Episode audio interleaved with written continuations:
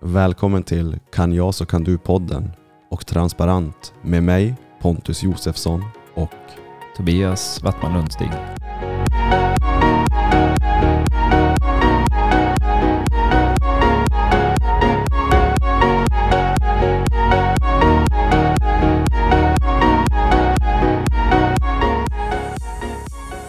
Är det där en iPad med skrivbord? Mm. Jag köpte just en ny, sålde min gamla och köpte en ny eftersom att jag använder den. Så då tänkte jag då, Ja. då funkar den som en jätteliten smidig-dator att ha med sig. Skönt. Mm. Slippa hålla på och trycka på skärmen hela tiden. Eller? Jo, precis. Det är som Eh, en- Jo, exakt. Den funkar precis... Alltså, den ser då precis ut som en laptop just nu, men eh, jag, jag hoppas att den har exakt samma funktion. Och kan vara en iPad, vilket det borde, ja, jag tycker det borde kunna finnas det. Men, Ehm, Är det på den där du kommer sitta på planet också nu när du åker till Indonesien? mm, Det är på den där du sitter? mm, jag tar bara med mig den här. Ja.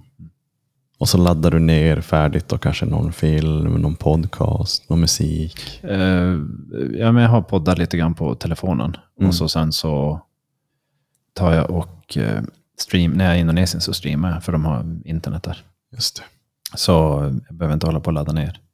Så nej, jag ska försöka läsa lite böcker också. Mm.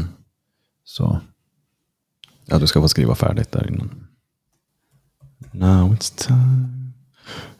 Now it's time. Ser du månen där du är ikväll? Ta min hand så tar vi ner den. mm. Mm. Är du redo? jag tror det. Jag tror det. När vet du då? Det var en bra fråga. När vet man någonting? Ibland kan man ju veta typ vad man ska ha till middag. Och, Vet man verkligen det då? Eller har man som bestämt sig bara? mm. man, man bestämmer sig och då vet man. Mm. Men om någonting förändras så visste man ju inte det. Nej, men när man väl står och lagar maten då, och den är klar, då vet man ju. Ja, man vet ju att maten är där. Mm. Och du vet att du äter den maten du bestämde att äta. Mm. Men hur vet man att man är redo för någonting? Att äta maten då tänkte du? Ja, egentligen v- v- vad som helst. Eh, Är, är du redo? Jag tror det. Ja. Nej. Va, vad är det som avgör När man är redo. när man är redo? Det är ju lite grann, det får ju tiden utvisa. Ja, och valet i tiden. Mm. Jag tänkte direkt på hockeymatch här. Mm. När man har varit... Och ibland om någon har sagt att de var redo så gick det inte så bra. Var man redo då? Eller var det meningen att det skulle gå som det gick? Mm. Det beror- Ja, det beror, ju på helt hur man ser på det. Man Därför- kan, man kan ju känna att man var redo. Men eh, händelseförloppet blev inte som man hade tänkt sig. jag får ofta den där reaktionen när någon frågar och så säger jag, men jag tror det. Och så säger jag så här, men vet du inte? "Ja, Jag tror att jag vet. Saker förändras ju. Varav den här boken som jag har tänkt att Jag kan ha fel. läsa. Jag kan ha fel. Mm. Han menar ju då lite grann på att jag menar, det jag var säker på, det är inte säkert att det stämde. Mm. Så varav lite grann, jag ärligt brukar säga, ja, jag tror det. Jag tror du kan gilla den där faktiskt. Du vet Det- inte det? Jag, nej, jag tror det. Där, men där vågar jag, där, där vill jag ta tillfället i akt och säga att jag, jag vet inte. Men jag tror. Och hoppas såklart. Jag fick den här, um, när jag läste den, så jag vet inte om det var på grund av där vart jag var då i livet, men jag tyckte inte att den var så saklig. Men den är ju väldigt andlig. Och det är mycket det vi sitter här och pratar om. Den är ju väldigt transparent. Mm. Så på det sättet, jag tror att läser jag den idag så kanske jag får en annan, ett annat tycke för den. Men där och då så tyckte jag att ah, här, här, fanns det inga exakta tips. Nej. och det är det som är meningen. Mm. Livet handlar ju väldigt mycket om vad som händer mellan raderna, mellan det exakta. Mm. Mellan A till B. Och missar man det så, och lever A och B, då missar man större delen av livet. Mm. Är det många som menar. Och jag håller med. Mm. Innan vi hoppar igång egentligen, hoppar in på dagens, om man får säga tema, så tänkte jag fråga dig. Det här är ju vårat, eh, jag tror att när det här släpps så kommer du kanske ha hunnit komma hem. Förmodligen. Om inte någonting annat händer. Men, hur känns det? Hur mår du? Inför resan tänkte jag. Det var, nej, jag mår bra.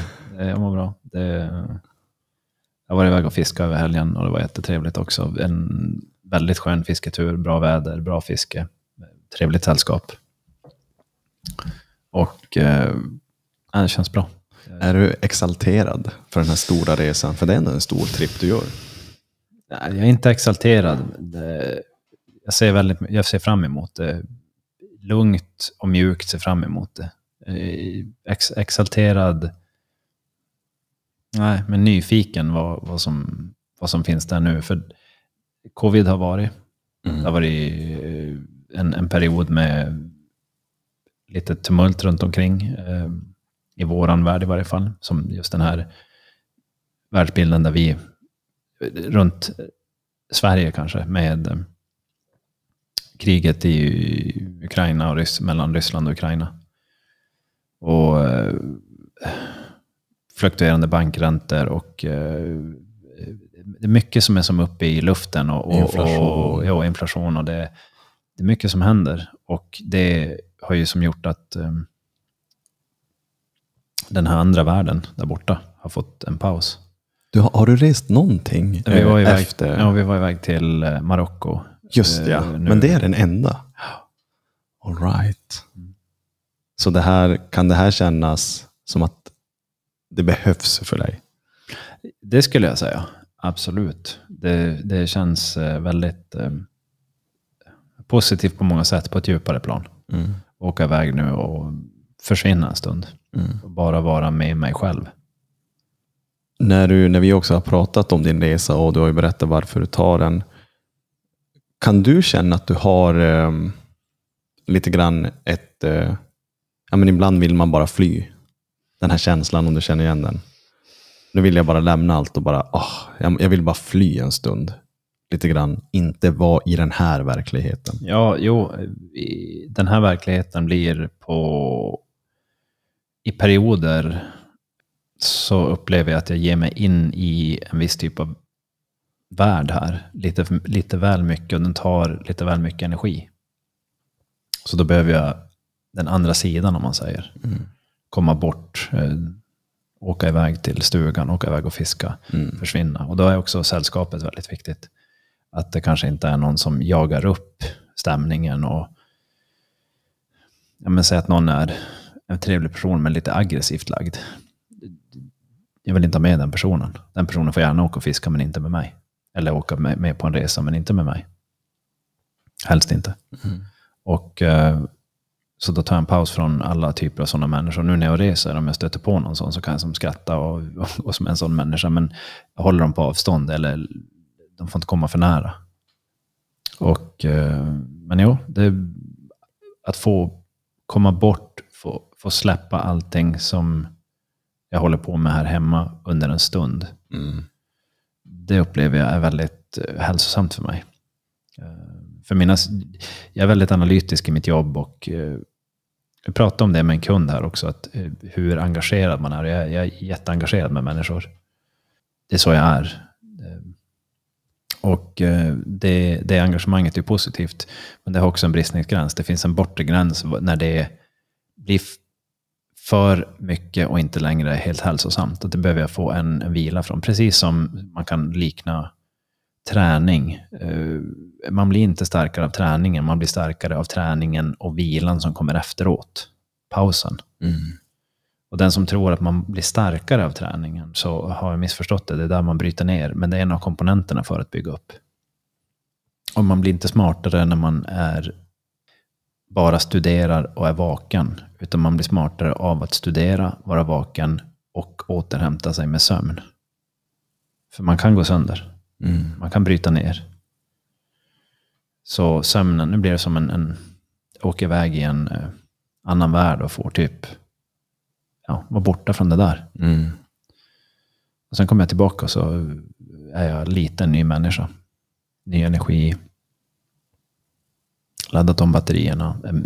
Jag blir väldigt kreativ när jag åker bort också. Mm. Så det kommer väldigt mycket bra saker som jag kan använda mig av hemma när jag är over there. Mm. Och det är en jättestor positiv grej. Så det blir kul. Mm. Jag ser jättemycket fram emot det. Mm. Jag tänkte bara kolla med dig hur det känns nu. Nej, det känns skönt. Ja. Och hela resan. Mm. Det, som, det som jag uppskattar jättemycket, det från att resa iväg, sätta mig på flygplanet, bli omhändertagen av flygvärdar, flygvärdinnor och så vidare. Serverad mat. Man är som i en twilight zone mellan världar där. Och jag tycker den är, frän, jag tycker den är riktigt... Eh, den, den mäktig upplevelse tycker jag. Jag uppskattar, det är som en meditation att resa eh, på det sättet. Landa i ett nytt land, vara borta. Sen att kontrasten att komma tillbaka. För då har det börjat bli riktigt mörkt och kallt. Och det är jätteskönt för mig. Att komma från värmen till kylan. Det är en fantastisk upplevelse om man kan ta emot den. Intressant att du säger just att du gillar den där resan så mycket. Du, jag menar, det är ju ändå 11 timmar flyg va? Nej, det är 17 tim 16 timmar och 40 minuter på den här. Då, då är det dock lite transfer. Okej. Eh, Då man landar och, och, och byter nu på några ställen. Men totalt så är det en 17 timmars resa. Och det, det som är intressant är att du klagar inte ens över den, den längden. Utan du, du ser det som behagligt. Ja, Nej, den är fantastisk. Och det, och det är ju sådär, jag skulle vilja säga att 9 av 10 får ju den här, ja det är så jävla långt till Thailand, det är så jävla långt till Indonesien. Åh, den där jävla flygresan. Ja, för mig är det inte så. Nej, och det jag tycker jag är intressant. Jag kan ta en promenad på flyget och, och typ stretcha lite grann och titta mig omkring. Och det, nej, det, det, det är en annorlunda värld bara. Mm. Och rent... Det är väl en del att vilja se det så också, ska jag Mm. gissa. Men jag jag uppskattar det, jag har alltid gjort det. Jag tycker en... Alltså, en rymdresa, le, lek med tanken. Vi leker med tanken att vi ringer till Elon Musk och säger, men ni har vunnit en rymdresa. Är det att ha hamnat i rymden som är intressant och sen hamna tillbaka? Är det de två A och B-punkterna som är intressant? Eller är det resan i helhet? För mig så är det resan i helhet. Mm. Och Jag satt och tänkte just när man satt på den här, när man sitter på rymdfärjan. Det hade ju varit ganska häftigt. Jag, alltså det, det som är grejen är att de här flygen är ju också ganska häftiga. Det är ju någonting som, det är ju ett tekniskt vidunder. Mm. Som en, en stålfågel Mm. som flyger omkring. Mm. Jag tycker det är superfränt. Det är så imponerande. Det är klart, när du har den approachen och den, den synvinkeln på, på, på det hela, då blir också resan förmodligen mycket, mycket lättare. Ja, det blir enklare. Så, ja. Men dagens avsnitt Tobias,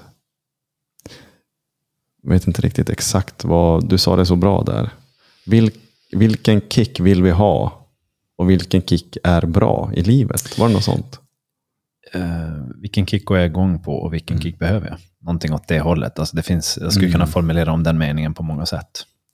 Och jag direkt i mitt huvud som kommer upp är en ganska intressant grej jag såg på YouTube här nu i förra veckan.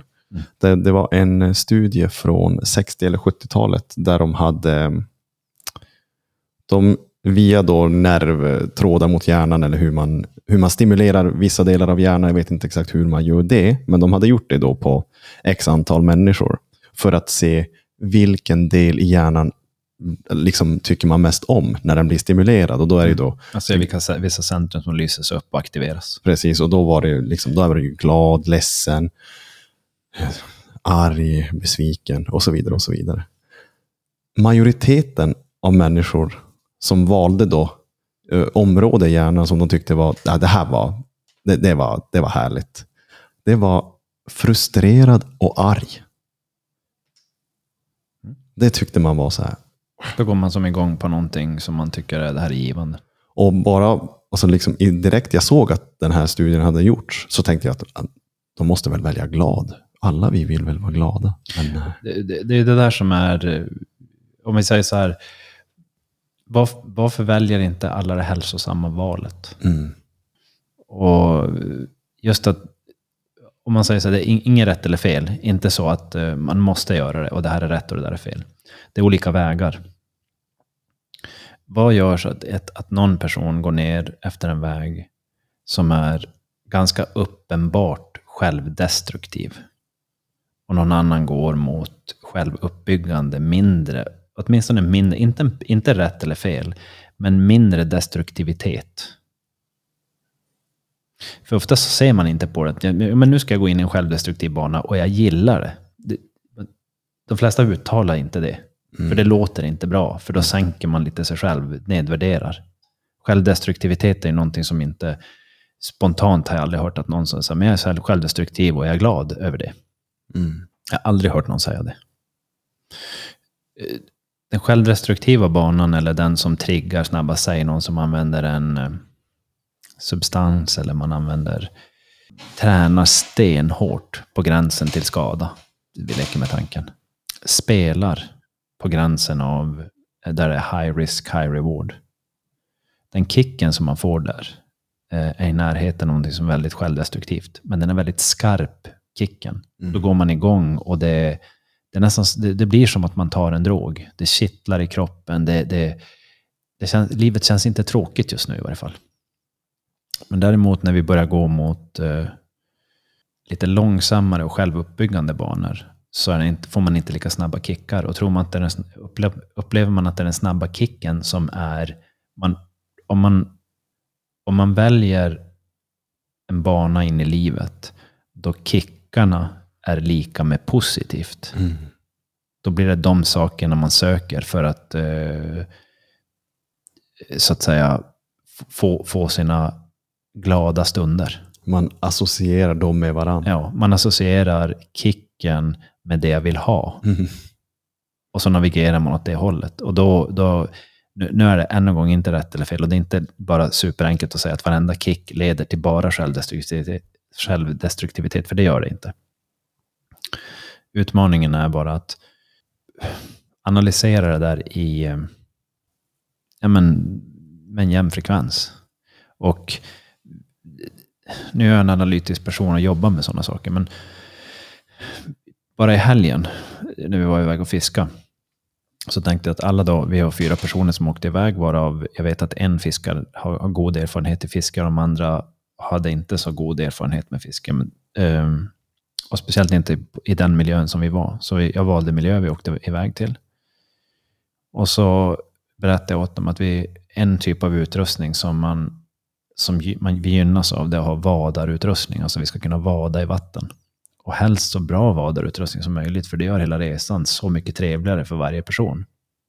Och då var det en kille, som, en man, som inte hade det. Och då säger jag åt honom, men jag kan ordna en vadningsutrustning åt dig. Och säga, nej men det behöver du inte göra. Ja, men det kommer jag ändå göra. För jag vet att det ger så mycket mer för resan ifall man har det. Och beroende på vattenmängden eh, som är i älven så är det mycket vatten för tillfället, vilket jag dock inte tror att det är. Men är det det, då är det inte ens möjligt att fiska från land. Då behöver man vada ut en bit. Men är vattnet lågt, vilket jag tror att det är, då kan man ändå fiska. Men det blir mycket trevligare och man, man får mer tillgänglighet när man använder sig av just de här vadarstövlarna. Ja, okej. Okay.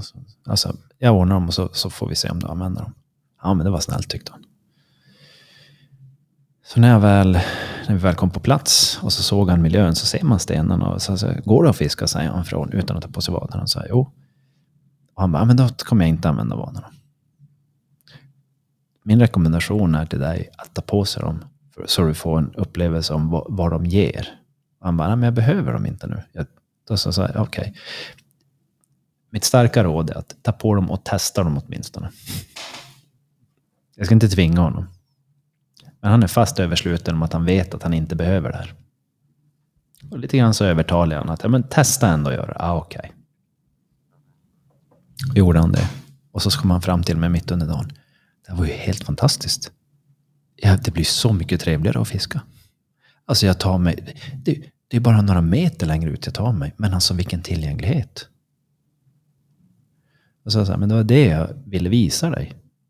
Så det man tror att man behöver när man gör sitt eget val. Han hade ju inte dött om han inte hade testat vadarna. Utmaningen är, han hade inte fått se den världen alls. Han var helt övertygad om att inte behöver jag det där. Det är bara två, tre, fyra meter jag kan gå och det är ju som banalt. Han sa det var, jag blev helt chockad över hur stor skillnad det blev. Så han hade det under vadarna hela helgen. Och, eh, eh, och så när vi pratar om kvalitet på de här så är det väldigt som så här, ja men det finns ju vadare för 1000 kronor och så för 12 000. Varför ska man välja några för 12 000? För jag menar, så, mycket, så stor kan kvaliteten inte vara. Jag, I det här fallet så har jag testat de olika stegen. Och det högre segmentet, det går inte att jämföra med det lägre segmentet. Alltså det är, visst, du kan vara ute. Men det är så mycket som händer i, i, i eh, utvecklingen från när man tagit fram de här, eh, den här premiumprodukten. Och inte för att den nu är den dyra, utan för att den tillhandahåller mycket mer funktionalitet. Du kan ha på dem en hel dag, du, du blir inte ens varm. De andas, de är trevliga att gå i, de är följsamma i kroppen. Den andra är tvärtom. Så ibland så, så genom att inte utforska det här, att vad, vart är det jag, vad är det jag gör nu och vad är det jag får ut av det. Så, så det, det var en intressant sak. Och det här, var ju, det här är ju väldigt banalt. Det är inte självdestruktivt rent att inte använda vadarna.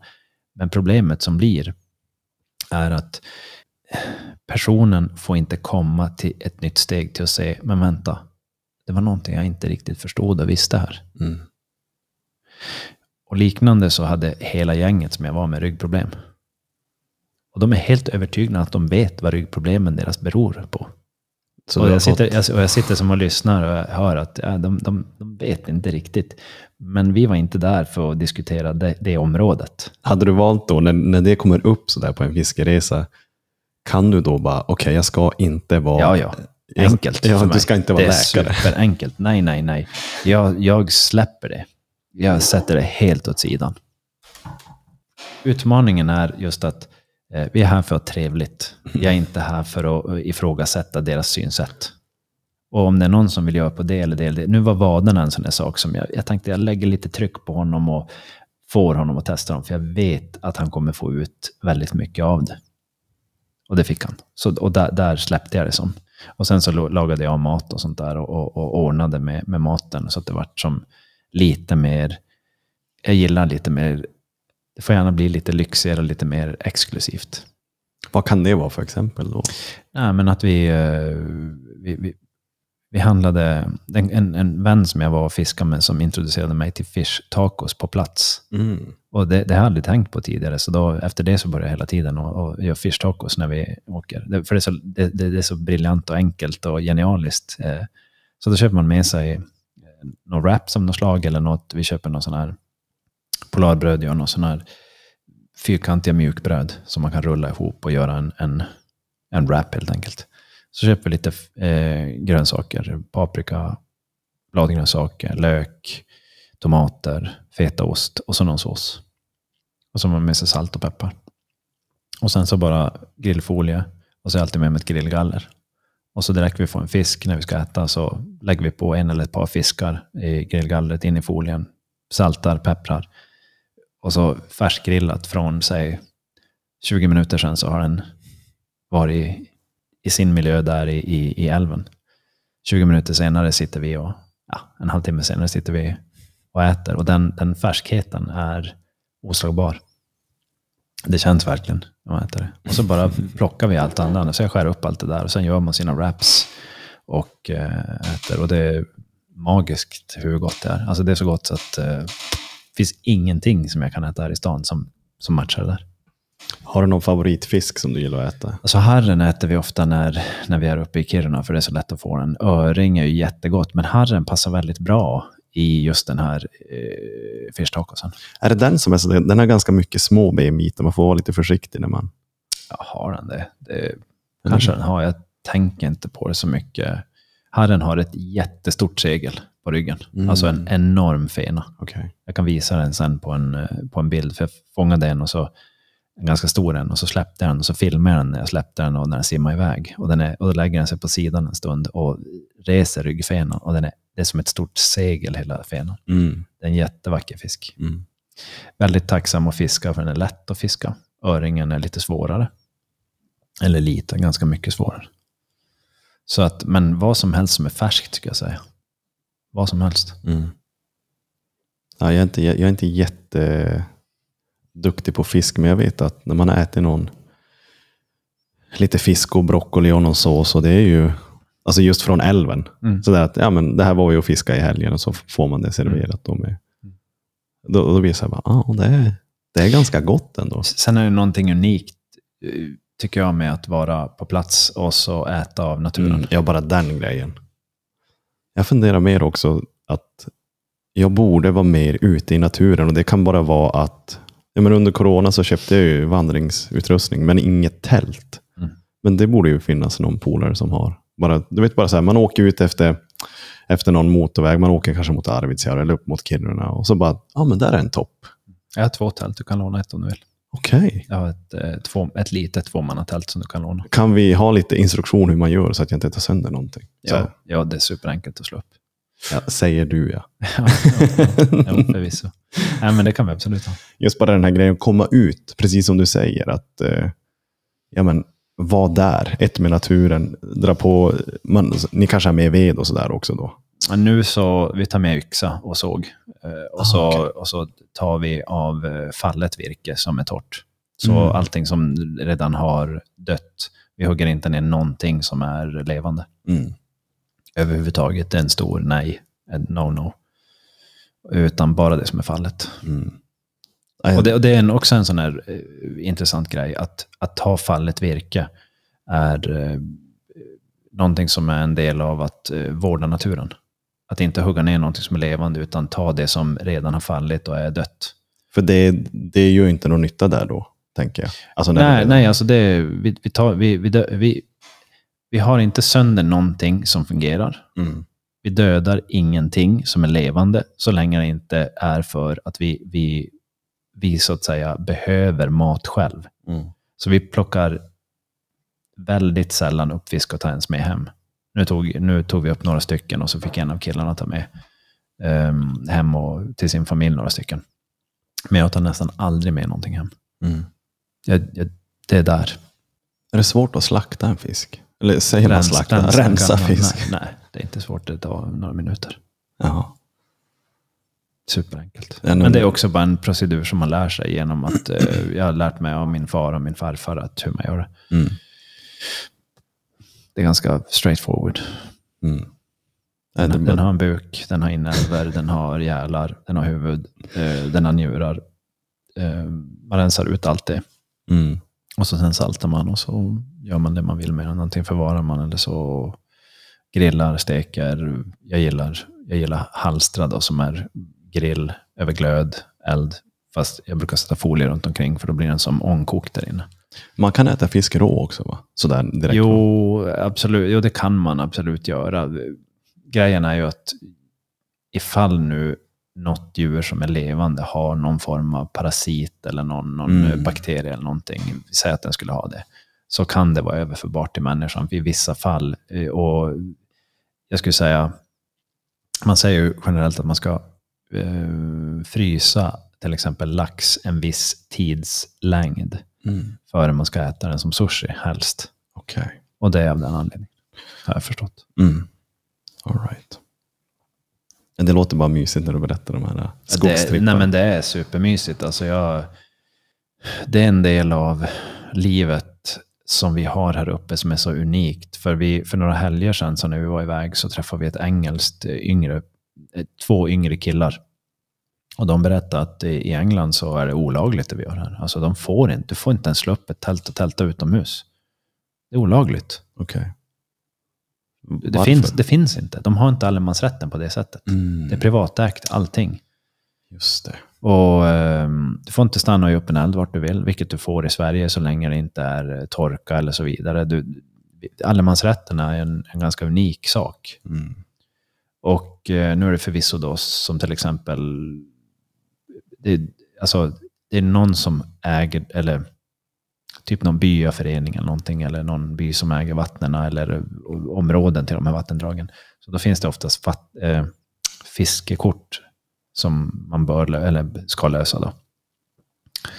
Och det går ju tillbaka till vård av området. Mm. Så det är ju en klok sak. Så att eh, det är väl det. Men sen lär man ju sig väldigt mycket om Alltså vi bor ju i naturen egentligen. Det här är bara att det har byggt upp ett betongkomplex här betyder ju inte att det här är allting. Mm. Utan det är ute på vidderna och i skogarna och älvarna och sjöarna och haven. Det, det, det är den riktiga naturen. Så att få vara där och, och ta hand om sig själv och laga mat över öppen himmel. Och, ja, det är jättegivande. Mm. Man lär sig mycket om sig själv. Mm. Men om vi hoppar tillbaka till eh, de här kickarna. Men vi pratade just om en kick. Ja, jo precis. Eh, Så, och det är den lugna kicken som jag söker när jag Ja. åker dit. Jag söker komma tillbaka till, eh, ta det lugnt, röra på mig, vara ute, ta hand om mig, inte dräpa någonting som, som lever bara för dräpandets skull eller vårdslöshet, utan, utan Aj. vårdande.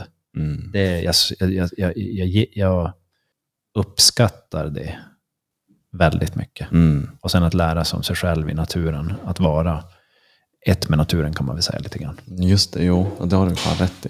Det blir den här långsamma kicken som... En långsam kick, precis. Och jag, jag, jag, jag, jag vill gärna när vi är ute, så brukar jag säga, minst tre nätter i tält. Mm. För då, då händer det någonting. När man får tre nätter i tält, åtminstone. Två nätter i tält är skönt, men det, blir lite stressigt. Man kommer dit och så... Och så eh, första natten blir som bara en transportsträcka till, från fredagen till lördagen och lördagen är hela dagen. Sen så, så sover man till söndagen och så söndagen så kanske man fiskar lite grann eller man gör någonting och sen packar man ihop och drar iväg. Så det blir en väldigt kompakt sak på grund av hur det var andra livet ser ut. Men kan man till exempel ta sig iväg så att man från torsdagen sover över. Då har man en hel fredag, en hel första dag, går och lägger sig man en hel andra dag. Så åtminstone åt det hållet, då frigör man väldigt, det, det, det, frigörs väldigt mycket tycker jag energi då. Mm. Ehm, men som sagt, lite längre turer. Men man börjar ju någonstans. Mm. Det, för någon kanske det bara att gå ut och slå ut, bara här på bakgården, slå upp ett tält och sova en natt kanske är en stor grej. Mm. Laga sitt te eller kaffe eller sin mat eh, över en gasspis eller någonting, eller ge upp en eld. Eh, vi lagar ju merparten av maten över öppen eld, glöd och eld, när vi är ute så här, så länge vädret tillåter det. Och det gjorde det hela helgen. Så vi kokar bara, jag tror vi kokar bara kaffe och te på gasspisen Mm. vid några tillfällen. Jag tänker också med de här kickarna, eh, till exempel i de senaste avsnitten, inte här med transparent, men med mina gäster i, i de vanliga, vanliga, De andra. de andra avsnitten. Så vi pratar mycket, eller en del om det här att vi hade någonting gemensamt, att vi tittar inte nyheter. Mm. Och den är väldigt intressant. I, varför, om, om, om jag får fråga dig, vad tror du det gör med människan och med oss när vi måste, eller måste, när vi tittar nyheter och känner oss benägna att vi ska hela tiden se det där. Åh, Mm. Alltså, ny, nyhe, nyheter är ju ett... eh, Det är ju ett... eh, Så som jag ser på det. Nyheter är inte rätt ord egentligen. När man tittar på de nyhetskanalerna. Mm. Nyheter är allting som är Mm. nytt. Mm. Allt. Så kallar man det för nyheter, då är ju inte allt det andra nyheter. Så jag skulle säga de nyhetskanalerna. Hänger du med? Mm. Så, men vi, i Sverige säger vi nyheterna. Och, sen, det, och vi använder ju uttrycket jag har goda nyheter. Ja. Allt det andra är nyheter. Mm. Ah. Så det, det är lite grann hur man definierar det där. Så jag, det vill jag bara nämna. Att eh, bara för att det är nyheter betyder inte att allt annat. Så allting, för, för någon som kanske sitter och lyssnar här, så är det här nyheter. Men det här är inte med på nyheterna. Mm. Men det beror på vilka nyheter man tittar på. Men om, om vi går in på just nyheterna på nyhetskanalerna 1, 2, 3, 4 och så vidare. Mm. Är det de vi pratar om? Mm, precis. Lite Radio, mainstream. rad, radion, mainstream, media, nyheter. Okej.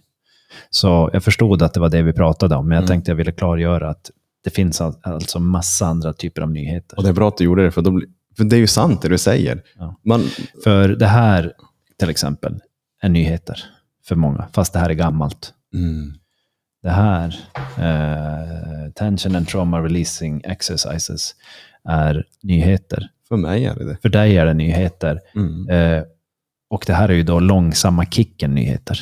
Mm. Som är då ska vara hälsa och hälsosamt. Samma den här reflektionen som Björn Nattiko och Lindeblad.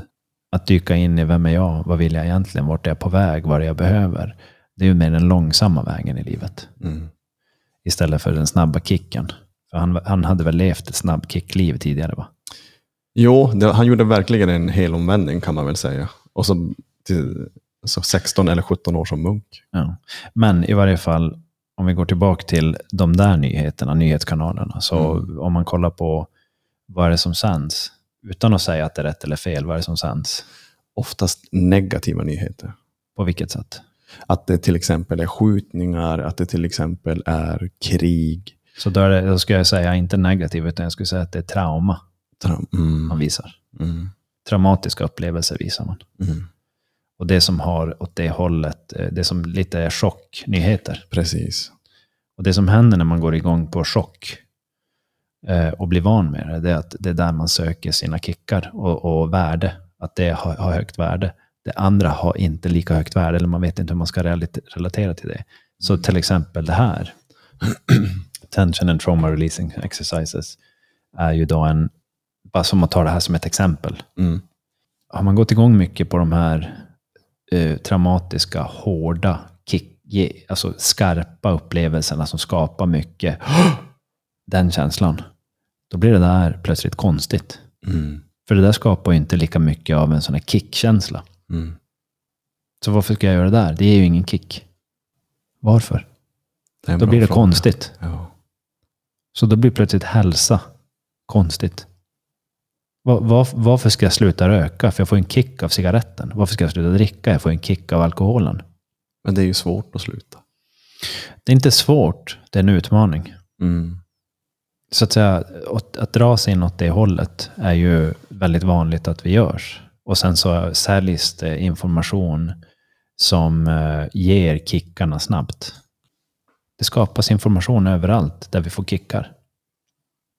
Jag läste någonstans att eh, varför nyheterna är så populära och, och varför vi känner oss benägna att eh, titta på det och lite grann autom, alltså, automatiskt bara faller in i den där autopiloten och det här måste jag säga, det måste jag säga. Det är det att människan är en överlevare. Och det är en instinkt vi har liksom från tusen år, flera tusen år tillbaka. Att vi, vi är här för att överleva. I, I grund och botten, det är vårt DNA. Och då blir det det här att Alla djur gör ju det. Mm. Och då blir det det här att jag måste se vad det är som händer runt omkring mig för att vara redo på något sätt. Alltså vi baserar ju, man kan säga så, och sen skulle man kunna säga också att utan nyheterna, vem är jag om inte jag kan delta i ett samtal? Mm. Jag, har jag högt värde eller har jag lågt värde? Så om jag, kan, om jag sitter i ett rum och inte har någonting att ko- alltså komma med, om jag sitter bara och iakttar, måste jag ge mig in i diskussionen eller kan jag sitta och vara aktivt passiv? Du Har kan, jag, har jag mer eller mindre värde då? jag, jag skulle inte vilja säga att jag, jag kan inte värdera det ena bättre eller sämre. Du har ju lika mycket värde. Eh, dock i ett, eh, säg ett fikarum på en arbetsplats Mm. eller med en lägereld. Om någon sitter tyst och inte deltar, vad eh, i grupper, så hur bedömer vi värden? Med... eh, Men som till exempel du som tränar mycket. Mm. Du sa ju nu någonting när jag kom att jag har gjort en väldigt annorlunda grej. Ja. Jag har, jag, jag har inte tränat på morgonen, jag har sovit. Så. Och så fick du ta en dialog med dig själv som att du fortfarande hade ett värde. Eller hur? Det är samma sak. ja. Så du är inte värdelös för att du har vilat. Mm. Men någonstans i dig så finns den dialogen. Att du är mindre värd för att du inte har tuktat dig själv nu på morgonen. Exakt. Det är det jag pratar om. Jag, jag förstod nästan det, lite grann som att man ser den här, den som sitter aktivt och lyssnar tyst och här i det här grupprummet. Att man kanske inte ser det lika värdefullt som den som deltar och har högst röst och säger mest. Eller har jag fel där? Är det lite dit du vill komma? Ja, alltså... Om vi leker med tanken också så här, du går på en konsert. Mm. Folk är ju nu på, generellt har ju betalat för att se ett band, eller en ståuppkomiker, eller en föreläsare, eller någonting. På ett sätt så är ju föreläsaren förhöjd. Kontrasten till föreläsaren, eller eh, musikbandet, eller eh, talaren, gruppledaren, workshopledaren, vem som helst. Kontrasten är ju förhöjd till den personen. Mm. Men är den personen mer än alla andra i rummet? Nej. Va? Men är det verkligen så? Nej. Nej, precis. Det, där, det är det som är så komplicerat. Ja, det är så intressant. Ja. Så att, och, och det är ju någonting som vi dras, många dras mot. Man vill inte vara för långt bort ifrån det, men alla kanske inte vill stå där uppe. Mm. Så vill man vara någonstans i mitten kanske. Och är vi, inte det då? Har vi tappat värde då? Blir vi utfryst ur gruppen? Det blir väl individuellt för varje. Alltså, det blir ju unikt för varje situation, tänker jag. Eller finns det ett vi, svar så, på så, den går- frågan? Så går vi tillbaka till fikarummet när människor pratar om nyheterna. Mm. Så om någon slutar att titta på nyheterna så är de plötsligt inte, inte med i dynamiken längre. Mm. Då blir de lite en udda fågel. Det kan jag känna igen när jag jobbade i gruvan. Jag hade ofta med en bok så jag kunde sitta och läsa på rasterna. Och då fick jag höra att, vad håller du på med? Exakt. Så det, det du beskriver bara i lite enkelhet där Mm. blir att du blir en udda fågel och folk blir inte lika trygg med dig. Nej. Inte alla, det är inte fel. Mm. Men i en sån här konsensuspolitik Precis. Så sticker man ut på ett sätt som folk inte riktigt förstår eller kanske inte börjar acceptera. Mm. De är inte trygga med det. Då är det väldigt många som dras tillbaka in i det. Men hur som helst så då, då kan man som fastna i det utan att man vet hur man, varför man gör det. Mm. Eh, sen så tillhandahåller ju de där nyheterna eh, en viss typ av nyhetsvinkling. Då. Mm. Det är katastrofer, det är si, det är så. Och de ger en kick när man kollar på dem. Kicken blir en... Kicken ska jag säga blir en eh, känsla av att nu har jag någonting att komma med här. Nu har jag någonting av värde att komma med. Som en person som skämtar. De skämtar ju inte med skämt som, som inte går hem, utan man vill ju få en kick. Man vill kicka och trigga människor till att skratta. Det är givande. Men gör man det för mycket så blir det destruktivt. Mm. Så vilken typ av kick är det man behöver? Det är jätteroligt att ha kul. Mm. Det är jätteroligt att ha nyheter att komma med som, som folk blir, hörde du vad han sa, eller hon sa, eller den sa? Har du hört det nya? Men är det det vi behöver? Jag tänkte just på det. Det är roligt att du säger det. Just det här, för jag tänkte fråga dig. Kan man länka det- det här med kickar också till just det här att vara den där som har den här, vet du, vet du vad den här har gjort? Det var den här lite skvallerfågeln. Ja. Det blir ju en kick då. Jo, det blir absolut en kick. Och det är uh, någonting som jag upplever är jätteviktigt. Det är när eh, ibland får jag höra, om vi säger rykten. Och rykten kan ge kickar. Mm. Då brukar jag fråga, vart har, vart, har, du- vart har du fått informationen ifrån? Hur, hur, hur vet vi att det har hänt? Nej, men jag har hört det från den. Ja, men det kan vara lite lurigt att ta information som man har hört från en person som är helt sant. Jag behöver inte säga att det är falskt.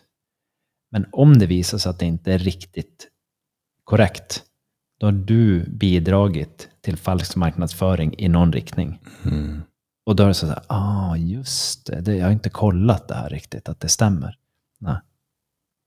Och det blir det som blir lite lurigt, för att då, hur mycket sån marknadsföring finns? Om man går in på sociala medier. Jag utgår ifrån att halv, hälften av allt är halv- falsk marknadsföring. Mm. Och jag kan inte säga vilket. Mm.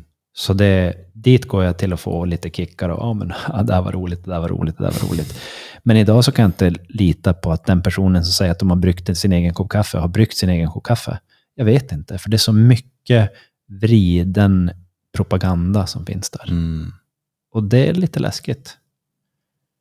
Det är faktiskt läskigt. Läskigt är rätt ord för det. För man kan bli vilseledd utan att du ens är medveten om det. Mm. Och så har man deltagit i det själv. Så, eh, och än en gång, de här nyheterna som är nu.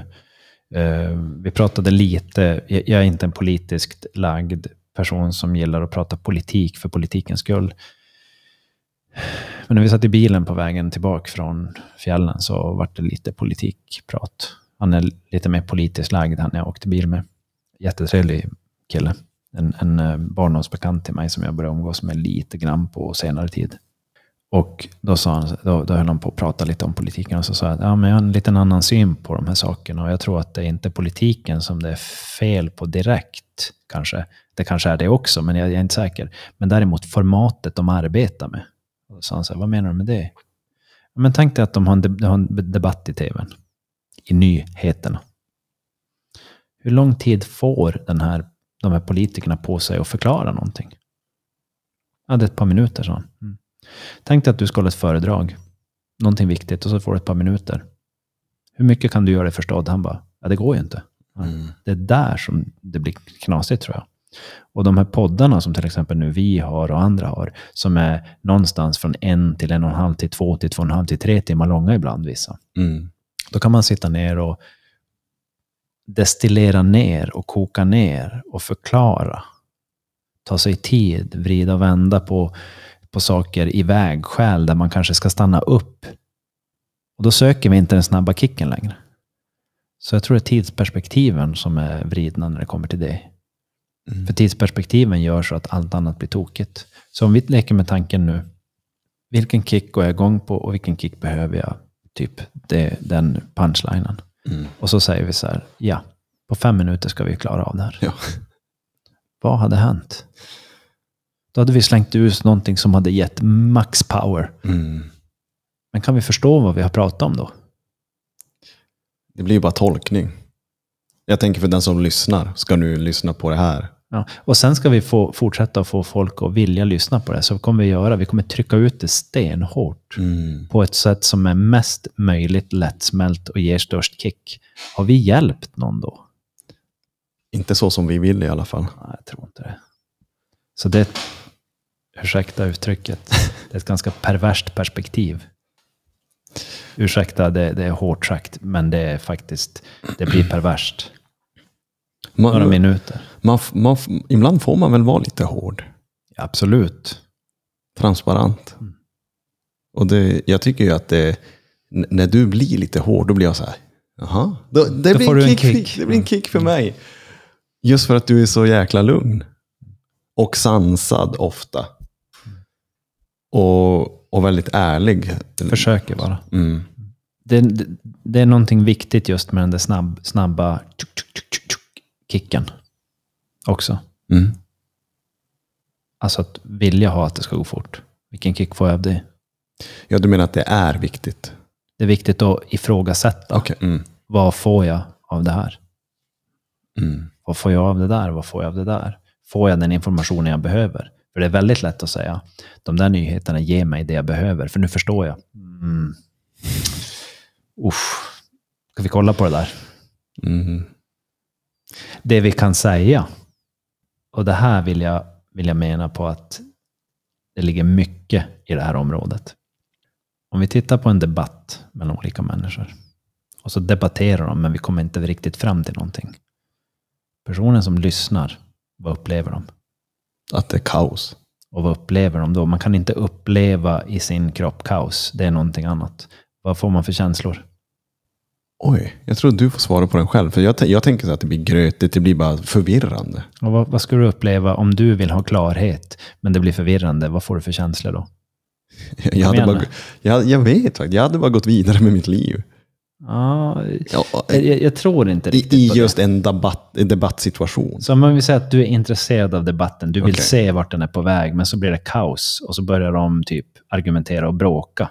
All right. Vad händer med dig då när du tänker, om du skulle leka med tanken att du utgår ifrån att ja, men jag vill ha klarhet här. Mm. Besviken. Mm, Alltså så här, vad fan, jag, Följ den linan, besvikelse. Vad kommer efter besvikelse? frustration. Jag tror det är väldigt många som upplever frustration. Och Mm. du sa någonting om den där studien med människor, vad de gick igång på. Då är vi där ja. Då är vi där. Och det, det hör ihop. Ja, och de, det är inte att de vill ha det, det är att de är så van med det. Mm. För jag tror studien också var att vilken stimulans hade du velat känna igen? Eller vilken... För man är trygg med, man, är, man blir matad med så mycket med den. Mm. Så när man kommer igång så kan det vara, nu, nu har inte jag lyssnat på den där studien så, Mm. men däremot så är det väldigt mycket sån information som eh, vi får inte en djupare, tryggare, lugnare klarhet i mycket av informationen som blir snabb. Utan det blir lite, okej, och så börjar det debatteras och i ett fikarum så är inte folk eh, överens om, om åt vilket håll man ska gå. Blått, rött, eh, upp, ner, kors, tvärs, in, ut. Mm. Lugn, aggressiv eh, och så vidare. Utan det är ju en konstant eh, tumult, det är kaosartat och det... Dock är det ju bra att det inte blir krig i fikarummen. Alltså riktiga krig. Mm. Det har jag faktiskt varit med om. Att det blir riktigt krig. Ja. Alltså Kalashnikov, bazooka. Ja, in- inte, inte, så, Knivar. inte, inte fysiskt krig, men verbalt krig. Ja, ja, det är ju inte ovanligt. Nej. Men jag tänker att folk drar upp och så, som man säger på engelska, draw blood. Alltså att det är något därifrån blödande. Ja, ibland har man nästan undrat. Mm. Alltså förstår du att det kan gå... Nu, nu, där jag har spenderat mest tid på en arbets, arbetsplats är ju LKAB i gruvan. Och du vet när det går så långt där du, du står och tvålar in dig i, en, i ett manskapshus där det finns 20 duschar, 30 duschar. Mm. Och så står du, och så när du vänder dig om så står det en, i det här fallet en, en äldre herre som då, som jag tolkar jobbar på det här företaget Mm. hela sitt liv.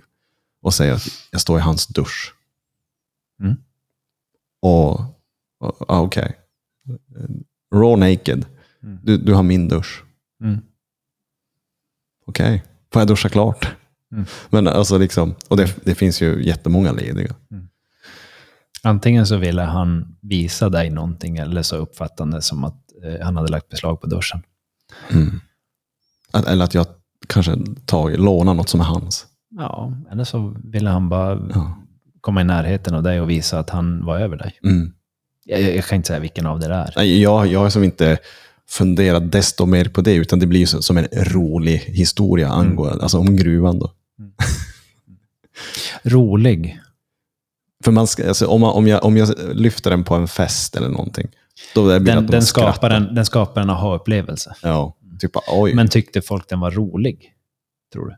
Rolig. ja, okej. Nej, alltså själv, nej. Den är ju lite chockartad. Ja, den, jo, den är ju det. Mm. Men man skrattar åt den. Ja, det blir ju det blir lite komiskt i det hela. Mm. Men i det hela så, någonting som är roligt. Hade du velat vara med om det igen? Hade någon annan velat vara med om det? Nu ska du få vara med om något kul.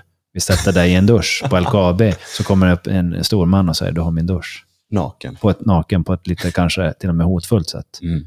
Är det roligt? Nej. Nej, det är inte roligt alls. Och, ja, och jag kan ju inte låta bli att tänka så här, bara, vad försiggår i deras hjärnor, i, deras, i deras liv? När man beter sig så. Det är en intressant fråga. Jag var med om en liknande upplevelse i en bastu i Nordnorge när jag jobbade där uppe i en gruva. Mhm. Då kom en man in och är, han är lokal förmåga, lokal, lokalt, eh, jag vet inte, född, bor där och så vidare. Och min partner är en högt utbildad geolog och eh, jag jobbar som tekniker under den perioden till geologerna, alltså samla in data och så vidare. Mitt jobb är inte superhögt utbildat. Man kan vara högt utbildad för att jobba inom det, men jag var inte det. Och för att få de här geologerna att stanna kvar så, så tillhandahåller de jobb åt partners och så vidare. Och så får man utbildning då där. Och då eh, var han väldigt frustrerad, den här mannen, när han kom in och eh, uttryckte att eh, ja, det typ folk som du som kommer ut, som utlänningar som bara får sitt eh, jobb i ett cornflakespaket och bara så här, ja, att det var som oschysst. Att eh, det behövs folk som är här behöver jobb, men ni kan komma hit och få de här jobben. Och då, ehm, och helt okunniga och typ så här, han menar som att ja, han väldigt frustrerad och, och negativ var han. Och så jag lyssnade bara på honom och, och helt enkelt försökte inte motargumentera honom. Utan när han hade lugnat ner sig så, så frågade jag som att där, är du säker på att det är så här det går till? Och är det ofta så här det går till? Vet du någon som skulle behöva det här jobbet och kanske är lämpad och utbildad för det? Men då sa han, nej det vet jag inte. Okej. Och då sa han till slut att, ja men du är ju okej. Jag pratar ju om de andra, säger han plötsligt. och då sa jag, jaha okej. Så vi vart ju typ så här vänner efteråt. För du vågade liksom... eh, Jag lyssnade bara. Mm. Jag tog inte på mig som att jag var, jag sänkte, jag, jag lät inte honom köra över mig. Mm. Jag blev inte sänkt av det. Däremot så lyssnade jag, tog mig tid, vi satt där väldigt länge och han fick som uttrycka sin frustration. Och jag vet ju inte om frustrationen är direkt mot mig, men jag är en kanal för han att nå ut. Mm. Däremot så var det väldigt viktigt för mig att inte motargumentera honom Mm. och säga hur mycket fel han hade i det han sa. Utan jag bara lät han. Och efter, efteråt var det så fascinerande. Ja, men det, du, du, är ju inte, du är ju bra, du är ju all right, säger han. Jaha, okej. Ja, men det var ju kul. Kommer ihåg att jag gick hem och tänkte, ja, jag är all right, men de andra idioterna. Mm. Ja, ja. Men han har ju förmodligen inte blivit utmanad på det sättet som du gjorde där. Han har nog inte fått riktigt prata ut. Nej. Inte det heller. Så jag, jag, jag, ut, jag upplever inte riktigt att jag utmanar honom, för jag ville inte trigga honom. Utan jag, jag lät honom att prata ut och sen ställde jag frågor som, vem, vem, vart finns den här informationen? Och Mm. vart har du de som skulle kunna? Och jag, jag vet i de här lägena att det finns gott om de här lokala förmågorna som vill ha jobbet, men inte riktigt kan göra jobbet. Och de, det blir inget bra för företaget heller. Mm. Så De har jättemycket problem, eller hade under en period där i varje fall mycket problem med att lokalbefolkningen ville, eller man ville gärna se till att lokalbefolkningen hade jobb, men det var inte alltid säkert att de var mogen för rollerna de fick. Mm. Och det är inte det bästa heller. Då hamnar man i andra typer av konflikter. Så det är lite komplicerat det där. Sen finns det säkert jättemycket duktiga lokala förmågor. Men man behöver hitta rätt person på rätt plats Mm. för att saker ska fungera. Som till exempel poddande. Rätt Pontus på rätt plats för att det ska hända grejer. Mm. Vem som helst som sitter vid en dator och kan något program, det är inte rätt person. Mm. Hänger du med? Jo. Jag, jag blir lite sådär rörd när, när du pratar om vår relation. För jag ser mig inte, för jag ser mig så jävla vanlig. Alltså jag ser mig som ingen speciell, du vet. Jo, men du har ju ändå, alltså, i, i det vi gör, så Mm. gör du ju de sakerna som vi gör på ett bra sätt. Det kan säkert bli ännu bättre, men det kan vara så mycket Sämre. sämre, alltså inte fungera. Ja. Mm. Så vi får det ju ändå fungera. Mm. Det är det jag menar. Mm. Så, och, och det, det är någonting bra. Alltså det, det, det, det är lätt att, att, måla upp, eh, det här har vi ju pratat om vid flertalet tillfällen, just att det är lätt att måla upp en bild om hur det skulle kunna vara. Men sammansättningen av personerna får inte det att hända. Mm.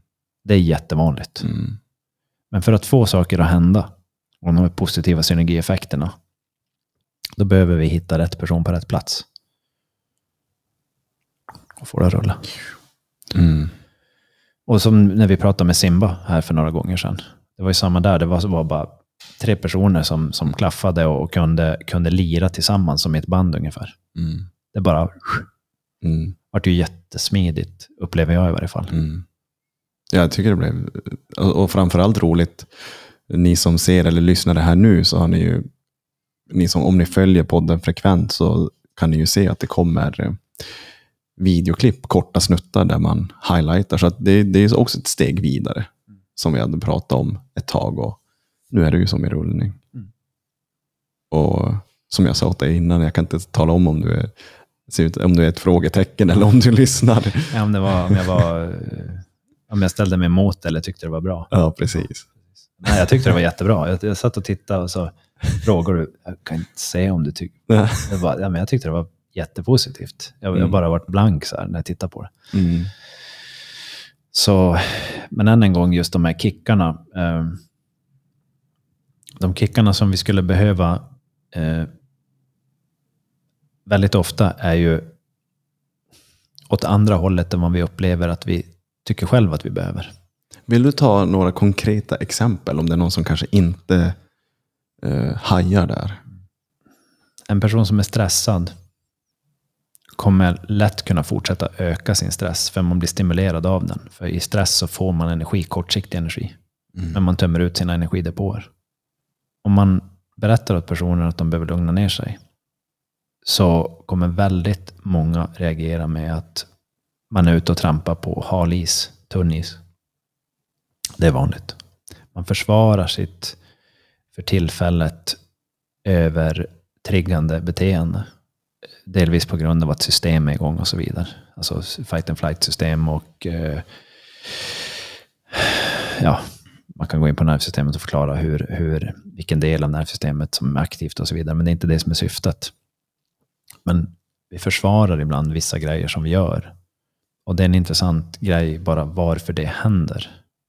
Men om man säger åt någon, jag ser att det du gör inte gynnar dig. Om du någon gång går tillbaka i ditt liv då du har gjort saker och så kommer någon fram och säger Pontus, jag ser att det du gör nu är inte egentligen det mest hälsosamma för dig. Hade du sagt bara, men tack ska du ha, får jag en kram? Utan hade det varit någonting tvärtom. Ja, Mm, det, Precis. det, det blir mycket. Ja. Så man går in i ett för- självförsvarsbeteende. Mm. För det, det beteendet vi befinner oss i är ju någon nu som utmanar. Mm. Och att gå till andra sidan laddning. Bara en sån här grej. Du borde Mm. gå och lägga dig tidigare på kvällarna. Vad säger, vad, vad säger man till en sån, vad säger en sån person? Inte alla. Det finns en del som säger det skulle nog vara bra. Däremot det jag har hört. Jag, jag kan säga så här. Jag ringde till en, jag såg en, en bekant till mig i trafiken som har ett företag. Och så hade han en grön bil med svart text.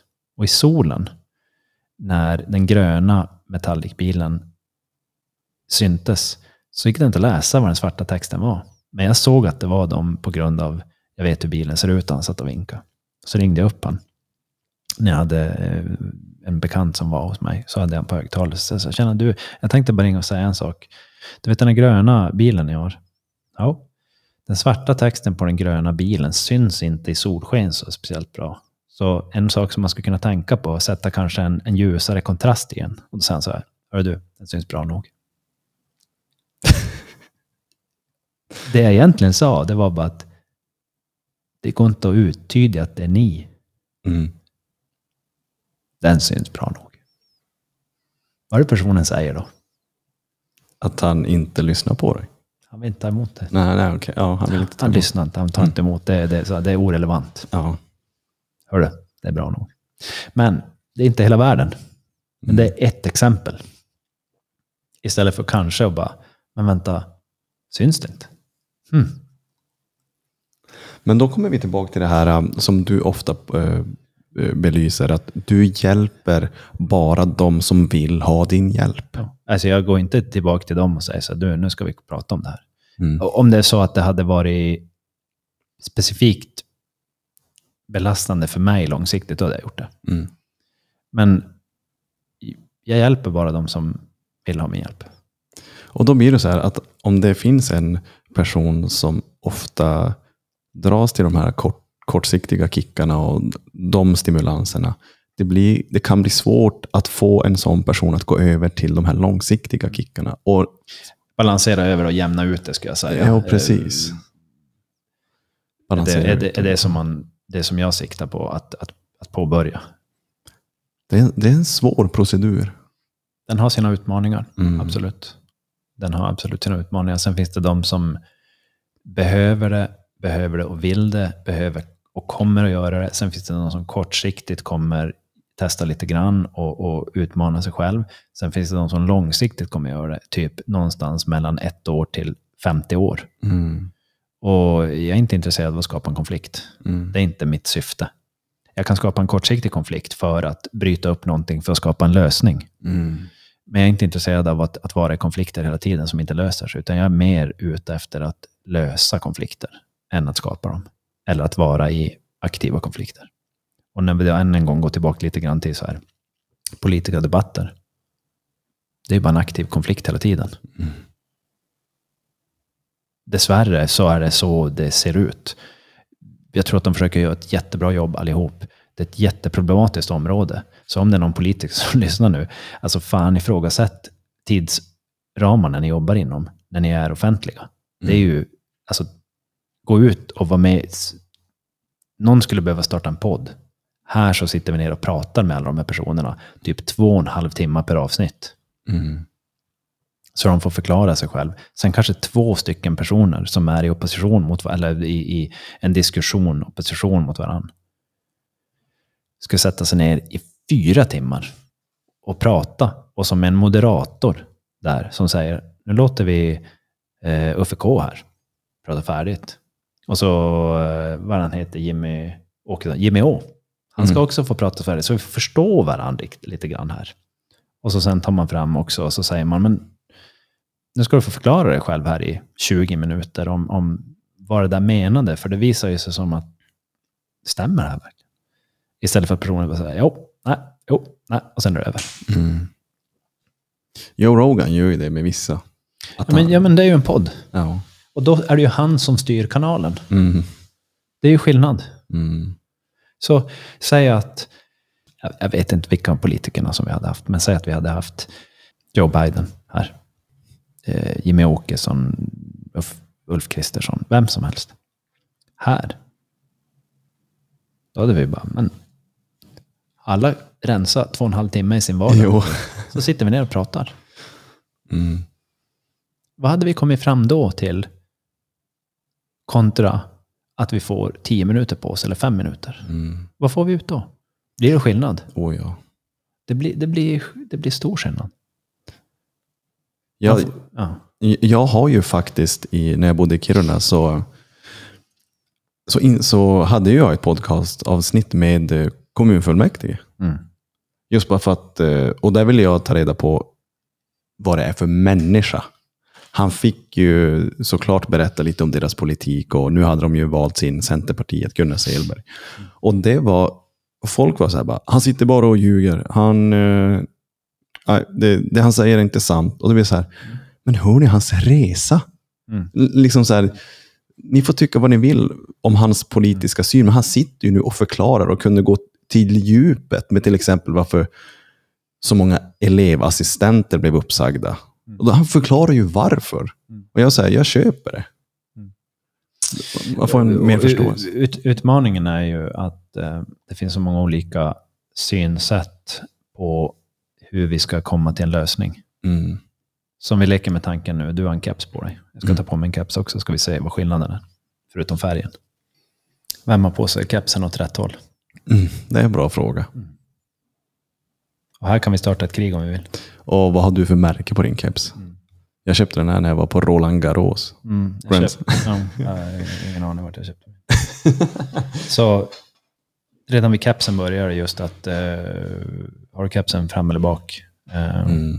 Det finns olika sätt att se på saker och ting. Det finns säkert de som kan säga att det, det vi pratar om är eh, jätterelevant. Någon kan säga att det är orelevant. Eh, någon kan säga att det ger energi. Någon kan säga att det bara ah, tar energi. Um, vad är det som sägs egentligen? Mm. Så om man inte får en kick av det vi säger, kommer man lyssna? Kanske inte. Mm. Så är det ju. Så vilken kick behöver jag? Och vilken kick är det jag söker? Och de kickarna jag söker hela tiden, är det de jag behöver? Vad behöver jag utmana mig med för någonting? Så ibland behöver vi utmana oss till en annan kick. Och ju mer livet eh, rullar på och eh, tiden går, så kommer vi komma till en, en punkt eller en tid eller ett vägskäl i livet då plötsligt eh, den kicken jag fick från igår som jag tyckte var så viktig ger inte samma effekt som kicken tidigare gjorde. Mm. Så nu plötsligt så är det så här, vad, vad, vad är det som händer? Jag får, jag får inte lika mycket kickar av det där. Så nu förändras livet. Och det kan komma via trauma, det kan komma via skador, det kan komma vid många olika typer av scenarion i livet. Eller så bara händer det och man fattar ingenting. Men det händer. Så vilken kick behöver jag? Och du har ju börjat utforska ett eh, intressant område nu, i min mening intressant. Eh, de mjuka eh, sidorna till mjuka, de djupa mjuka sidorna in i, i, till människan. Meditation, tai chi, qigong, trauma releasing exercises, neurodynamisk träning och så vidare. Där man så att säga söker vad är kroppen har gått igenom egentligen istället för att säga nu kör vi och så får vi den här kicken och det här är bra, säger alla. Mm. Så du, du har ju utforskat mycket av det tidigare. Det andra då. Oh ja. Oerhört. Inte för att säga att det är dåligt, Mm. men däremot så kan mycket bli mycket och mycket och mer kan bli för mycket ibland. Mm. Men det är för varje person att eh, utforska. Och hade du varit en person som bara hade velat gasa på så hade inte jag varit någon, jag hade inte försökt stoppa det än, så jag har bara försökt prata. Och du har varit nog intresserad till att på något sätt lyssna. Mm. Därför är vår relation på något sätt rullandes så att vi, vi kan vara i närheten av varandra. Men jag känner ju också att du är ju den här personen att eh, jag, jag känner att jag kan ringa dig om det är någonting. Och jag tycker det är ett väldigt bra bevis på vad man har för relation. Lite grann ett, ett, ett kvitto på ja, men hur, vi, hur vi samspelar. Sen kanske bara jag tycker så, men jag känner alltså, genuint att jag kan ringa dig. Om det är någonting.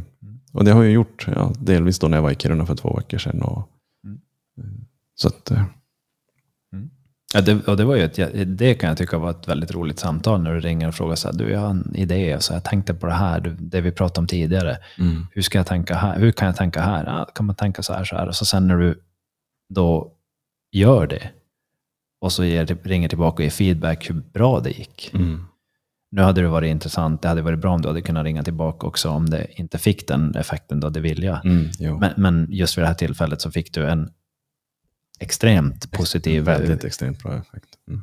typ 100 procent. jätte, jättebra effekt. Ehm, och intentionen var inte att manipulera utan att utforska. Mm. Vad händer ifall vi gör så här? Och då kommer det fram, igång, då, då kommer det fram ett perspektiv som är mer åt den andra hållet. Att vilken kick är det? Vad ska, jag- jag vill ju få en kick här och vinna. Och så är det så här, ja, men om vi släpper det, vad händer då? Då kommer den andra sidan fram. Mm. Så det var det som var så kul att se. Då när det blev just i, det där, i den där situationen, när det blir då att uh, många vuxna eh, föräldrar, ledare, vaktmästare kommer och berättar sina livsöden till mig. Det blir ju lite grann en snabb, bra kick, skulle jag vilja säga. De får ju då lös någon sorts tension, någon, någon, någon klämhet. Mm. När man bara kommer fram till mig. Ingen har bett om det eller så, utan vi bara samlas och så får jag höra en massa livsöden.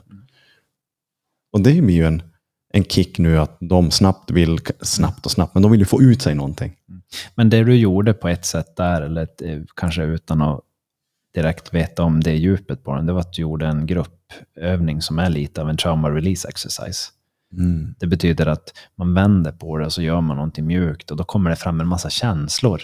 Och när känslorna, man börjar prata om det, det här har jag aldrig pratat om på det här sättet med någon tidigare, då börjar den processen på ett enkelt sätt. Mm.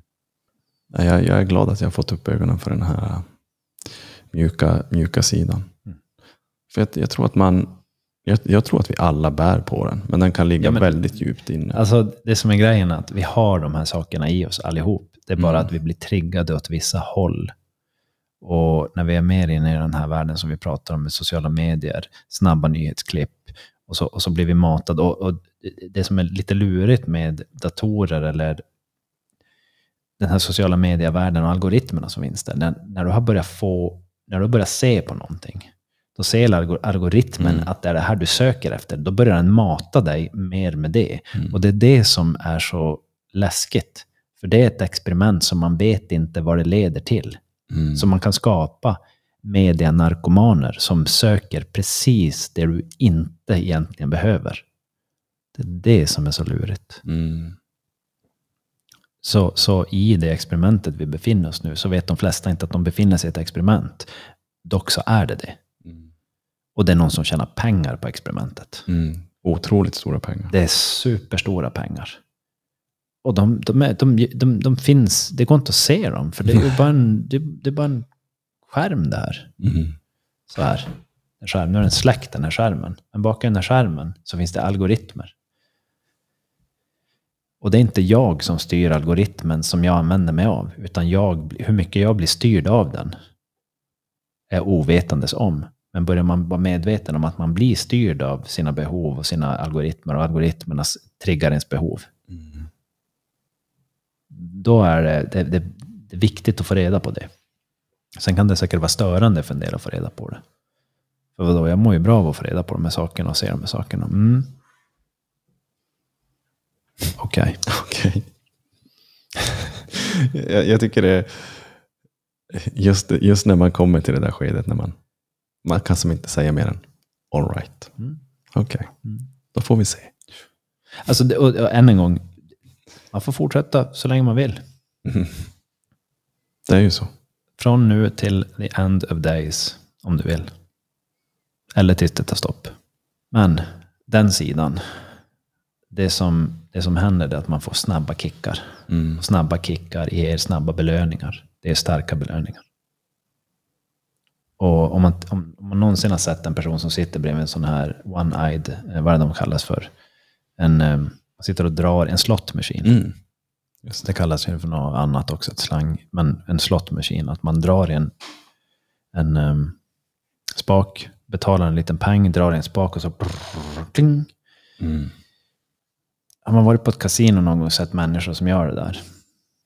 Ja, jag vet. Du, har du varit på kasino? Ja. Du har sett det? Jo. Mm. Jag har varit lite grann på lite studiebesök faktiskt. Jaha. Ja, men alltså, jag ser livet som ett studiebesök. Så jag Mm. tittar på saker, okej. Och eh, jag har en kund som är spel, han är professionell eh, bettar på olika sporter. Mycket på fotboll. Och då säger han så här att det, det som är grejen är ju att med bettingmarknaden, um, alltså det, han sa det är ju en tuff bransch att vara inne i för att det, det, det ger extremt snabba kickar uppåt och extremt snabba kickar neråt. Så man blir väldigt volatil som person och det där behöver man hålla koll på så man inte blir för självdestruktiv. Han tjänar ganska bra med pengar. Men det han får göra det är att i de här eh, spelbolagen så håller de koll på personer. Mm. Att börjar du vinna för mycket, då blockar de dig. Mm. För de vill bara ha folk som förlorar. Exakt. Så det är en affärsmodell de har. Så de har algoritmer som håller koll på folk som vinner. Mm. Så är han duktig på att läsa av lag och vinna, då spärras han, hans konton. Mm. Det är väldigt vanligt att sådana eh, öppnar upp konton i då kanske vänners namn. Och, Mm. eller, Jo, lite- just bara lite- för att ja, man ska kunna precis. fortsätta. Och det där är ju en, eh, om jag säger så här, är det någon som någonsin har hört så här, du får jättegärna komma och spela oss, men du får inte vinna så mycket. Mm. För då stänger vi av dig. Mm. Då bara, va? Är det sant? Det är helt sant. Och alla lotton går runt på att merparten förlorar och några vinner. Mm. Annars skulle det inte fungera.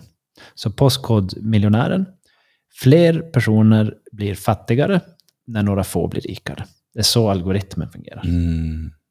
Alla. Det finns inget lotteri som inte fungerar så. Det, när du säger det så där så blir det bara, ah. Det betyder inte att det är negativt bara. Det kan vara jättegivande att så här, spela Bingolotto eller eh, spela, eh, vara med i Postkodmiljonären och så på något sätt så här, men jag har köpt en, en, en lott och jag vet inte hur ofta det dras. En gång i veckan, en gång i månaden. Jag, jag, jag, jag kan inte. Men säg att det är en gång i månaden eller vad det då är. Jag kan ha helt fel med det. Så. Men köper man den där för 100 kronor, att få vara med i att men nu, vad, vad, vad kul att få göra det här. Det behöver inte vara negativt. Mm. Men gör man det extremt mycket hela tiden och inte har den andra sidan så är det inte säkert att det är det optimala för ens hälsa och välmående. Och får man ännu mer sånt så kan, man, kan det vara väldigt destruktivt. Och det är ju lite individuellt självklart. Mm. Men det vi ser idag med psykisk ohälsa eh, och så vidare, eh, och det pratar vi en, lite grann också om på vägen upp, vad är, vad är hönan och ägget när det kommer till, typ så här, han sa att jag ser, jag ser mer och mer och mer att barn i, i min, han sa, min, mina barns ålder får mer och mer syndrom som inte tidigare fanns. Mm. Han bara, vad tror du det beror på? Och då sa jag, ja, jag ska inte säga vad det beror på, men jag kan säga vad som har förändrats från då till nu. Och så tittar man på bredden av saker och ting och intensiteten av saker och ting. Hur mycket som har kommit till nu. Och så säger man någonting i allt det här bör det vara. Mm. Men att säga att det där är det, det kan inte jag säga. Man ser mycket att det är barnen det är fel på. Som du säger, man, alltså barnen, mitt barn föddes med det här, diagnostiserad, diagnostiserad. Mm. Men jag, jag vet inte om det är helt sant. Eftersom att man inte tittar bredare på hela perspektivet. Precis som du säger, det är mycket som har förändrats. Mm. Barnens rutiner är jätteannorlunda. Inte för alla, Mm. men för många. Och det har, tror jag, väldigt stor eh, inverkan på det som sker. Jo, och sen så är ju föräldrarnas livsstilar är också förändrade nu från då. Det är också skillnad, ja. Och maten, eh, alltså maten på sättet vi äter, på sättet vi söker kickar, hur mycket information som kommer in i våra hem genom våra, i fickan i våra händer. Hela tiden var det så uppkopplad. Och det är, inte, det är inte manicken i sig, att den ger någon utstrålning. Det är inte säkert det är det. Mm. Utan det är snarare vad den tar för energi från oss och vad den triggar för någonting i våra system. Mm. Så att allt det som händer, vad, vad, vad, vad får det för ett kick? Och vad är det för kick jag behöver? Då kommer vi tillbaka till det. Vad är det för kick som är hälsosam? Och vilken, vart, är, vart är så att säga den bortre gränsen när kicken blir på tok för mycket? Så att det inte längre alls är hälsosamt, rent destruktivt faktiskt. Mm. Och så fastnar vi i den och säger, men det är det här jag mår bra av. Det är det här jag vill ha. Och det säger ju också narkomanen, Mm. alkoholisten. Men vadå, jag har väl inte så stort problem. För det är, jag vet att jag har problem, men jag fortfarande vill ha det här. Även om jag vet att jag har ett problem så vill jag ha det. En del av mig vill ha det, en del vill inte. Personen som inte är så medveten, jag har inget problem.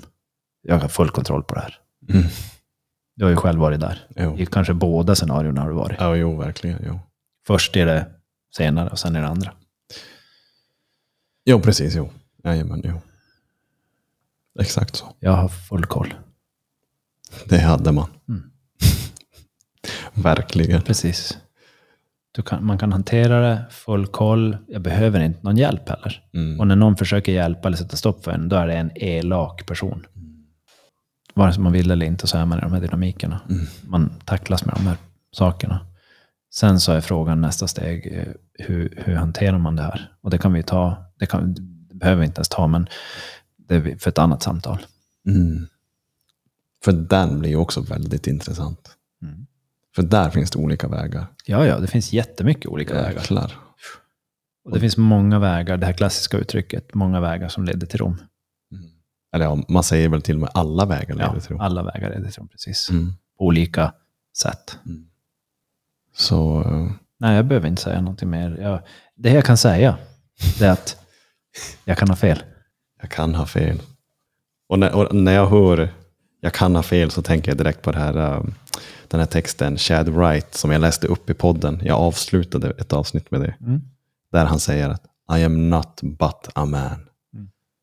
Liksom, Jag säger han inte I'm only but a man. ja, I'm only but a man. Och, och han säger Eller just a man. Mm. Uh, don't, uh, don't hate me, uh, don't love me.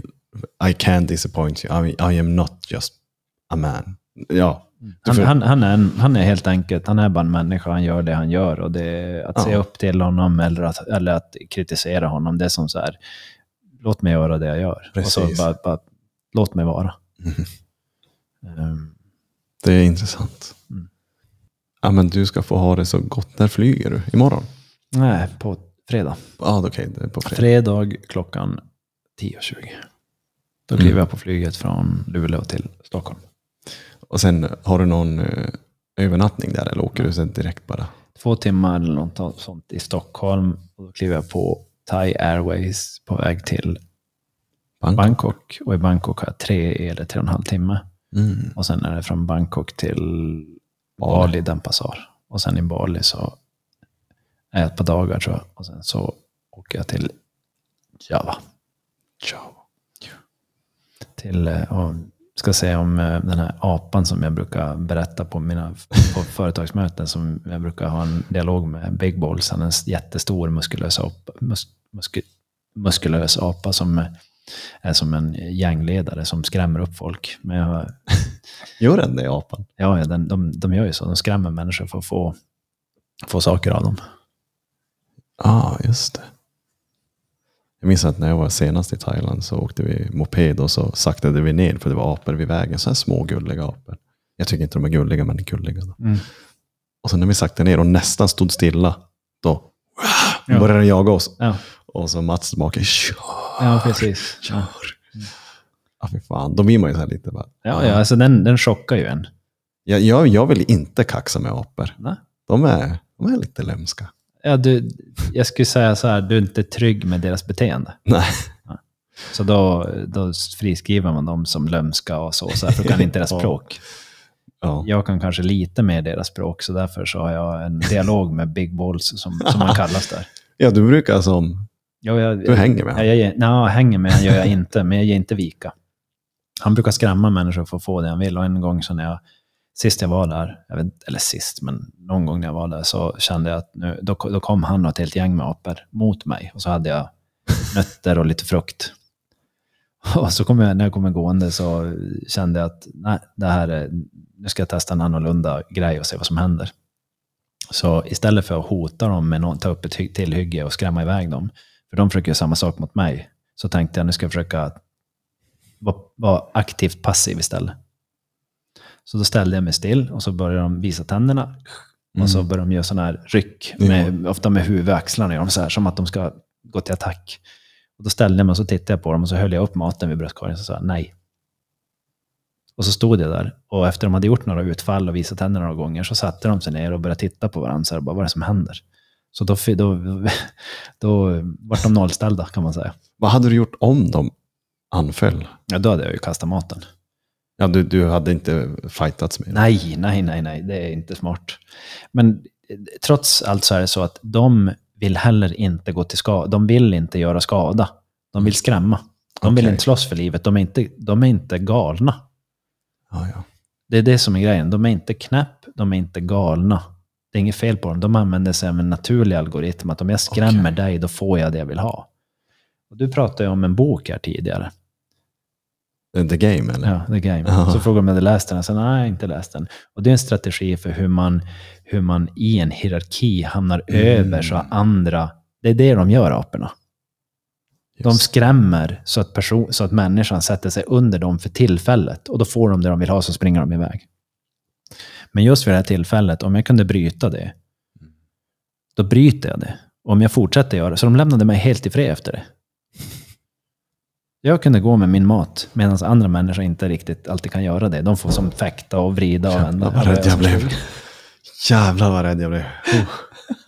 Det var som en jordbävning nästan. Jag slog. Såg du att jag hoppade till? Jo, jag tänkte på det. Eh, så att, eh, jag brukar berätta det här just med hur... Det här går att göra med vem som helst. Men det som är grejen med det som skedde där, det var att vi visade respekt för varandra. Mm. Jag ville inte sätta mig på dem som... Eh, nu hamnar jag högre i hierarkin. Jag varit mer alfa än vad de var alfa. Och så länge jag hamnade just där över, då är jag nöjd. För de, de, de eh, skrämmer inte mig längre. Lämnar de mig det. Är, det, är det schimpanserna som är, de ska man verkligen hålla sig undan? Babianer.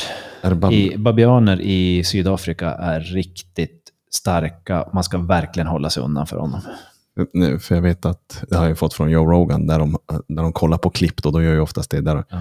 Och sliter människor i stycken. Ja, alltså schimpanser är nog väldigt starka. Eh, Jag, vet att, för jag, jag träffar ju mycket sydafrikaner när jag är ute och surfar. Mm.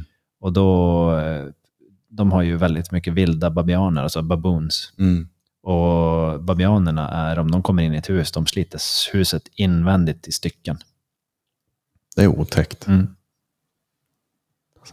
Men de är, de är heller inte helt galna. De, de har också en, ett sätt att eh, kommunicera med dem. Och så, att säga, så de vill ju inte utrota dem heller, för det är ju ett naturligt bestånd av naturliga djur. Mm. Men så länge de är på, på deras håll och människorna är på sitt håll, Mm. då fungerar det. Men kommer de för, för nära varandra, man ska inte vara för nära vissa typer av djur, för de, Nej. man fungerar inte tillsammans speciellt bra.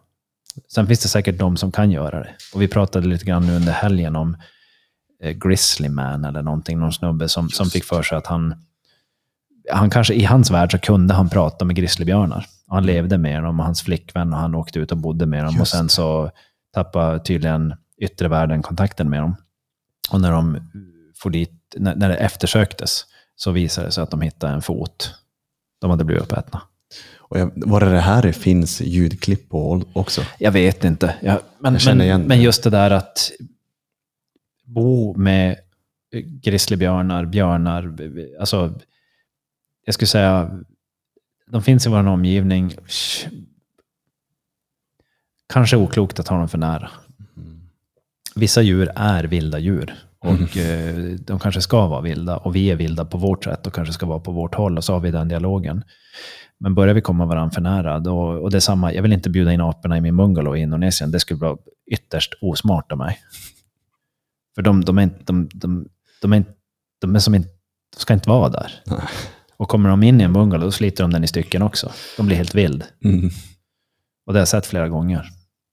Så en bra dialog på den nivån vi är. Och, och när vi hade gjort just det här, när jag, när jag ställde mig med de här aporna och bara nej, och de gav som upp, då tog jag en banan och öppnade den och så tog jag av en bit och så höll jag fram mot Big Balls, som är då en jättestor alfahanne. Och så tittade han som på mig så här. Och så tittade han ner, och så tittade han, och så tittade han ner. Så satt han en stund och gjorde så där. Och sen efter en stund så kom han fram och så tog han den. Och då tar han, mig, tar han den så här.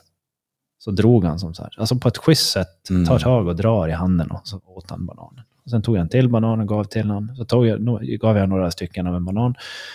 Och sen sa jag bara hej då och så gick jag. Och folk runt omkring, de bara, alltså du är knäpp. Jo, kan tänka mig. Det är ju livsfarligt, men det, det är inte farligt. Men däremot så ska jag inte plocka upp honom. Jag ska inte försöka röra honom. Han rörde i mig. Jag höll ut Mm. och han tog den. Men försöker man röra i dem, gör inte det. Det kan bli obra. Tror man att de, man är deras polare, så man kan börja hänga med dem? Ja, jag vet inte.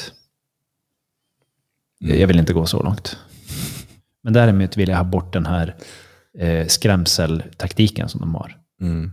Den, den är bara obehaglig att ha där. Så det, och det är ett sätt varför jag vågade göra det. Det är för att jag vet hur, hur nervsystem fungerar i människa och djur. Mm. Det, jag, jobbade, jag bara tänkte ut ett neurologiskt perspektiv. Skrämsel, jag får det jag vill. Jag känner mig trygg. Om vi kan skapa trygghet. Om jag kan så att säga bara... De, de kommer nu mot mig, försöker utmana mig. Och så tänker de, om vi gör så här, då vet vi vad vi får. Han blir rädd, han springer iväg. Mm. Men om han inte blir rädd och springer iväg, då blir det så här, vad fan är det som händer? Varför funkar det inte? Då får får de en chock. Och när man står kvar där, när chocken har, har lagt sig, då vet de inte vad de ska göra. Mm. Då är de nollställda. Och då ger jag dem istället det de behöver. Precis.